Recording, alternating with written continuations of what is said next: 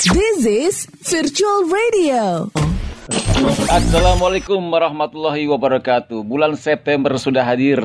Berarti bulan Agustus 2022 sudah lewat. Namun beberapa peristiwa yang menghiasi selama bulan Agustus 2022 Kita akan kupas. Lebih banyak dihiasi oleh drama-drama dari Duren 3 Ini dia beberapa peristiwa yang terjadi selama bulan Agustus 2022 di News of the Month Bersama saya Budi Utomo 1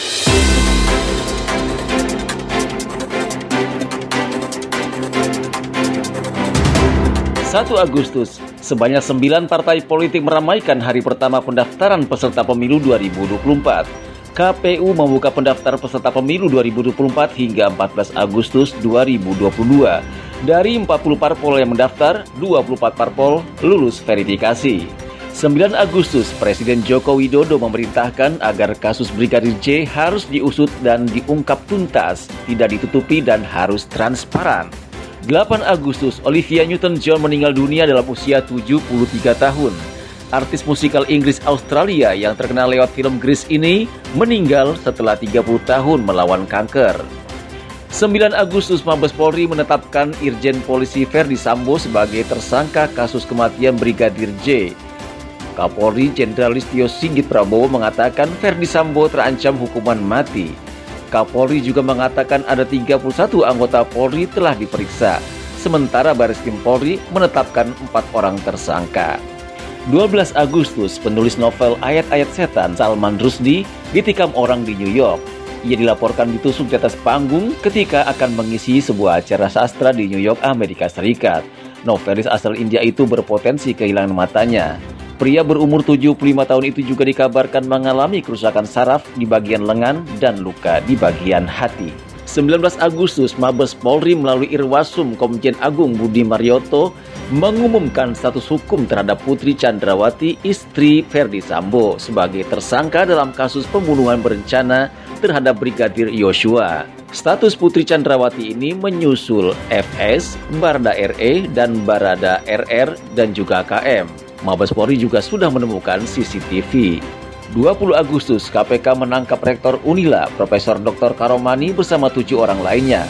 KPK menetapkan Karomani sebagai tersangka kasus suap penerimaan mahasiswa baru jalur mandiri di Universitas Lampung.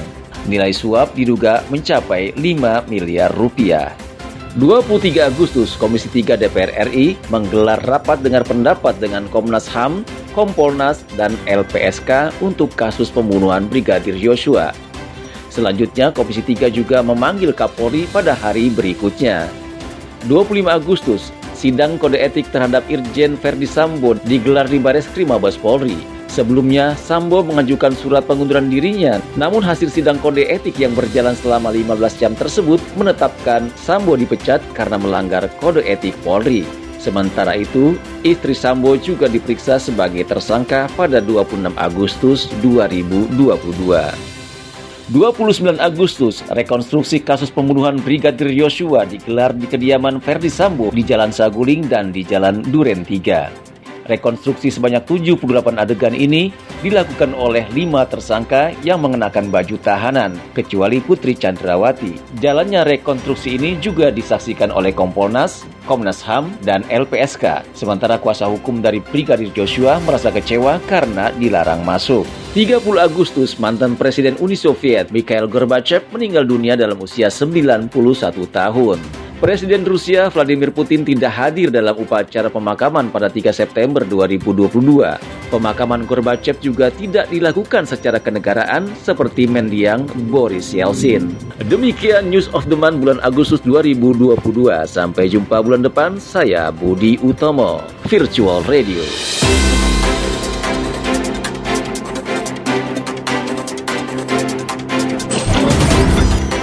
Stay tune terus ya di Virtual Radio.